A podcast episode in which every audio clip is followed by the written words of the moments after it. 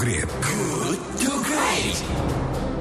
Radio Kelight 107,1 FM Bandung's Inspiring Sound. Dan sahabat Kelight kita masih di sesi diskusi Good to Great because good is the enemy of great. Sudah terhubung dengan narasumber kita berikutnya itu Ibu Eni Sri Hartati Peneliti senior Institute for Development of Economics and Finance atau INDEF. Assalamualaikum warahmatullahi wabarakatuh. Selamat pagi Bu Eni Assalamualaikum warahmatullahi wabarakatuh, Kang Ibu. Kumaha Damang, eh kabarnya gimana? damang, Damang, kalau Damang doang tahu kalau Damang doang. ya, ya, ya, ya. Bu Eni, ini, iya, PSBB ini kan merupakan upaya untuk membatasi yeah. transmisi penularan virus corona ya. Yeah. Tapi salah satu dampaknya ya kegiatan ekonomi jadi lambat lah Betul. dan juga berhenti. Inilah yang sekarang terjadi. Jadi ini memantik gitu rencana pemerintah untuk melonggarkan PSBB, usia 45 tahun diperbolehkan bekerja, ya kan terus moda transportasi uh, dibuka kembali walaupun terbatas gitu. Gimana menurut uh, Bu Eni ini di mana ini jalan tengah terbaik untuk menghidupkan kembali ekonomi tanpa menyebarluaskan penularan bisa nggak gitu? ya, eh, kalau sekarang posisinya sudah agak sulit ya untuk menjawab bahwa apakah ini pilihan terbaik atau tidak gitu, karena memang hmm. ada persoalan respon kebijakan kita ada keterlambatan dan kesalahan dari awal gitu. Hmm. Hmm. Kalau sekarang memang eh, kalau kita lihat dampaknya ini kan sudah luar biasa luasnya. Terus hmm. kedua adalah kita memang nggak akan mungkin uh, bertahan ya kalau terus menerus seluruhnya harus PSBB dan stay at home gitu. Yeah, yeah. Tapi kalau misalnya kita mampu berandai-andai dari awal kita bisa uh, cepat gitu, sebenarnya memang tidak memungkin ya karena kan nggak dilakukan. Tapi dari pengalaman banyak negara yeah. Iya. uh, itu tidak tidak berlarut-larut seperti ini minimal ada kepastian lah kapan peak seasonnya kapan uh, kurva mulai melandai dan uh, sekarang yang dilakukan oleh banyak negara itu kan ketika melonggarkan PSBB itu kan memang sudah ada relatif data yang sudah konsisten, artinya kurvanya sudah melandai gitu. Oh, mm, -hmm. Nah, sementara kita sebenarnya belum, Mas uh, Kang Ju ya. Oh, Jadi yeah kita kan uh, datanya masih fluktuatif gitu. Hmm. Nah, tetapi sekali lagi memang kalau kita lihat uh, beban masyarakat memang uh, sangat berat kalau uh, apa namanya semuanya harus stay at home karena kan memang uh, konsekuensi dari stay at home itu sebenarnya kebijakan karantina ya. Yeah. Nah, cuman kan Indonesia memilihnya PSBB yang tidak punya implikasi langsung terhadap uh, pelindungan sosial masyarakat gitu. Mm -hmm. Jadi kan persoalannya missing linknya kan di situ iya, gitu. Yeah, yeah. nah, yeah. oleh karenanya sebenarnya uh, mau jujur sih yang dilakukan sekarang ya herd immunity gitu kan. Mm -hmm. Walaupun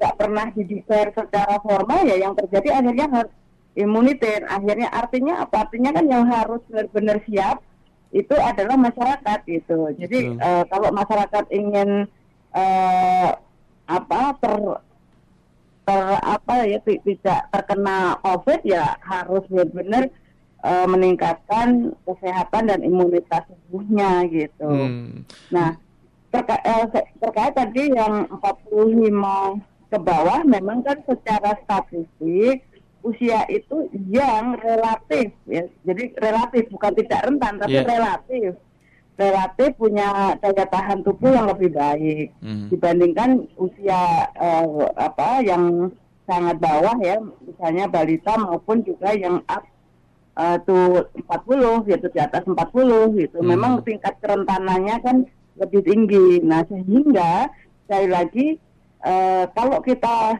menggunakan immunity ya uh, teori tadi terkonfirmasi bahwa yang relatif dilonggarkan itu yang usia-usia tidak terlalu tidak rentan gitu hmm. kan. Iya iya nah, iya.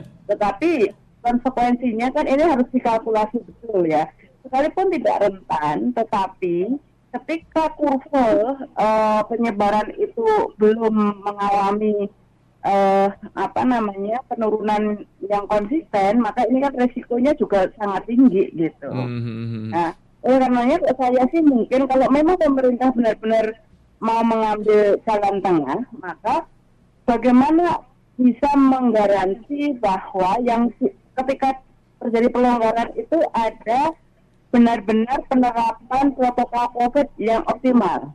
Bisa, Hmm. Misalnya, perusahaan yang diberikan eh, permit boleh eh, beroperasi itu mungkin di, di perusahaan yang atau di kantor-kantor yang buka itu mereka bisa melak- melakukan eh, protokol COVID misalnya setiap eh, karyawan harus dites suhunya terus harus social distancing harus pakai masker dan sebagainya mungkin bisa nah persoalannya adalah karyawan dari rumah sampai kantor atau sampai pabrik ini kan mereka eh, menggunakan moda transportasi apa gitu Iya, kan iya. kalau transportasi publiknya juga nggak mem- memenuhi atau menjalankan protokol COVID ambiar juga gitu kan tidak hmm. juga gitu kan Iya, iya. Nah, siapa yang harus bertanggung jawab untuk menjamin protokol COVID itu dilakukan di moda transportasi, di apa namanya eh, di luar ya, di Iya. luar eh, kewenangan korporasi yang tadi diberikan permit. Jadi Iya. kemarin kalau kita lihat misalnya ya, misalnya eh, eh, beberapa pabrik misalnya masih boleh beroperasi, terutama yang eh, mensuplai kebutuhan pokok. Nah, di pabriknya mereka melakukan eh, tadi protokol COVID gitu. Mm-mm. Tapi kalau ini tidak menyeluruh, bocor juga gitu. Dan dan pengalaman kan ya banyak Iya. ya misalnya di eh, perusahaan yang di Jawa Timur kemarin kan eh, kenanya bukan di di perusahaannya mereka Iya. eh, dari daerah tidak ngaku, nah akhirnya menjadi eh, apa suspek yang mengeluarkan cepat di, di Mm-mm. perusahaan. Gitu. Artinya di- di- di perlu- awal melakukan protokol COVID gitu. Di perusahaannya melakukan protokol COVID, tapi kita tidak pernah bisa menjamin perilaku disiplin masyarakat untuk melakukan Betul. protokol COVID itu Nah, ya. artinya ini kan eh, artinya kan yang di luar eh, perusahaan-perusahaan yang mendapatkan izin tadi itu siapa yang harus bertanggung jawab lah kalau pemerintah ya pemerintah m- mampu men- menggaransi itu mungkin relatif aman gitu. Hmm, ya.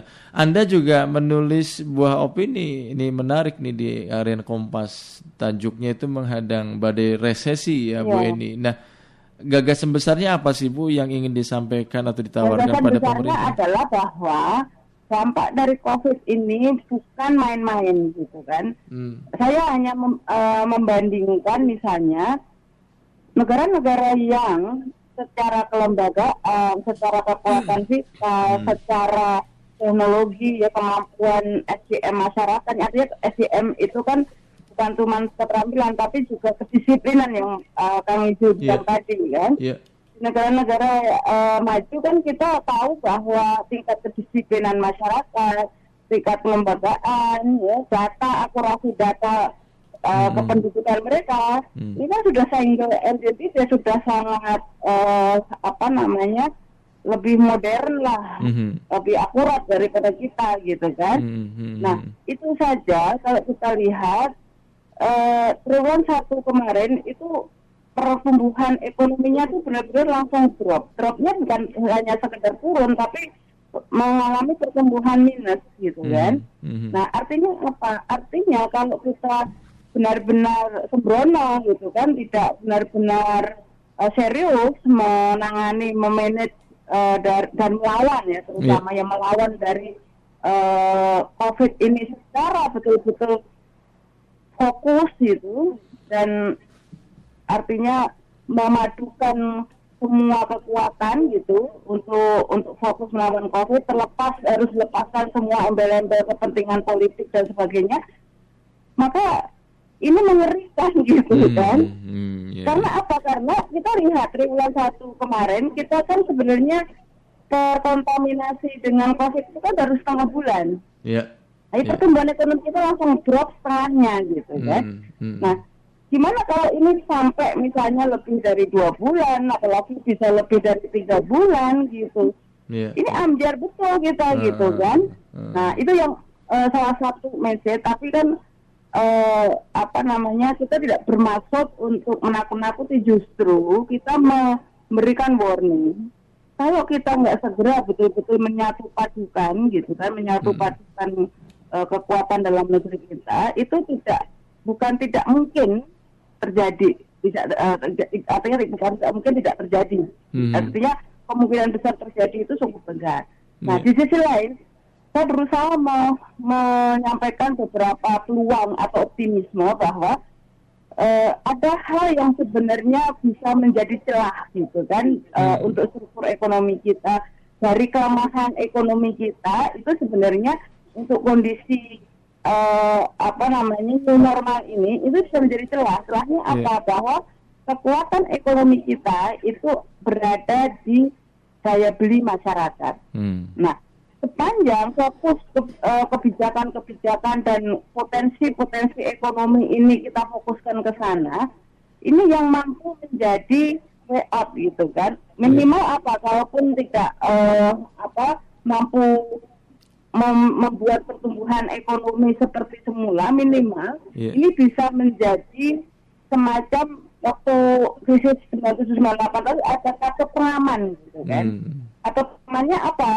minimal kita tidak sampai kepada pertumbuhan yang minus Hmm. atau meng- meng- eh, terjebak kepada resesi tadi gitu. Kalau resesi kan kalau seluruhnya minus kan jadi resesi gitu kan. Iya, iya. Nah di tengah resesi itu kalau kita mampu memberdayakan dan mengoptimalkan potensi domestik tadi, minimal pertumbuhan kita itu terkoreksi oke lah eh, apa mungkin satu dua persen gitu. Kalaupun Hmm. minus ya hanya 0, gitu kan. Hmm, hmm. Tetapi kalau ini kita tidak benar-benar mem- memitigasi gitu dan eh, daya beli masyarakat ini terus menerus tergerus gitu, terutama yang 40% ke bawah, itu kemungkinan potensi minusnya itu jauh lebih dasar daripada negara-negara lain. Oh.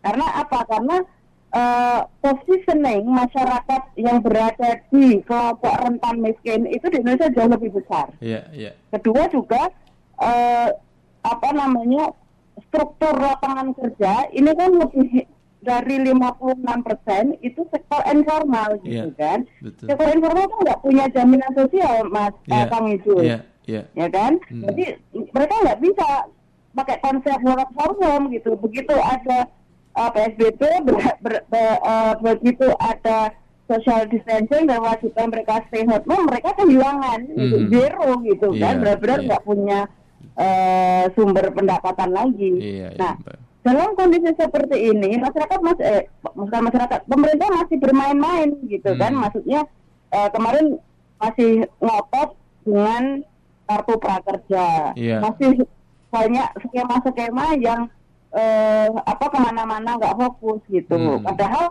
kekuatan ekonomi itu jelas gitu kan. Hmm. Jadi uruslah yang pasti-pasti aja menurut saya karena ini kondisinya pertama eh, emergensi dan kedua kita nggak kaya-kaya amat gitu Iya, loh. iya. Jadi terlihat nggak eh, fokus programnya ya, Bu ya. Iya, jadi kan kekuatan fiskal kita Iya. ini kan juga sangat-sangat terbatas Hmm. Ya kan? Iya. Kemarin aja udah nambah utang gitu kan. Jadi, betul. Kekuatan kita itu terbatas, sementara dampaknya sangat besar. Besar. Nah, kalau kita nggak bisa memprioritaskan ya mana yang harus kita benar-benar dahulukan dan yang punya efektivitas gitu kan untuk Hmm.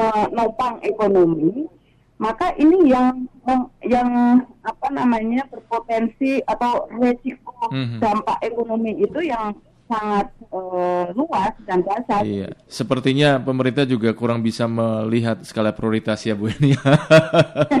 baik, baik Bu Eni. Terima kasih Bu Eni atas waktunya kita bincang Oh, sama pagi ini. Ini itu menjadi uh, edukasi untuk uh, kami semua untuk kita semua pagi ini. Sukses untuk Anda dan tetap sehat Bu Eni. Sama-sama. Ya, assalamualaikum warahmatullahi wabarakatuh.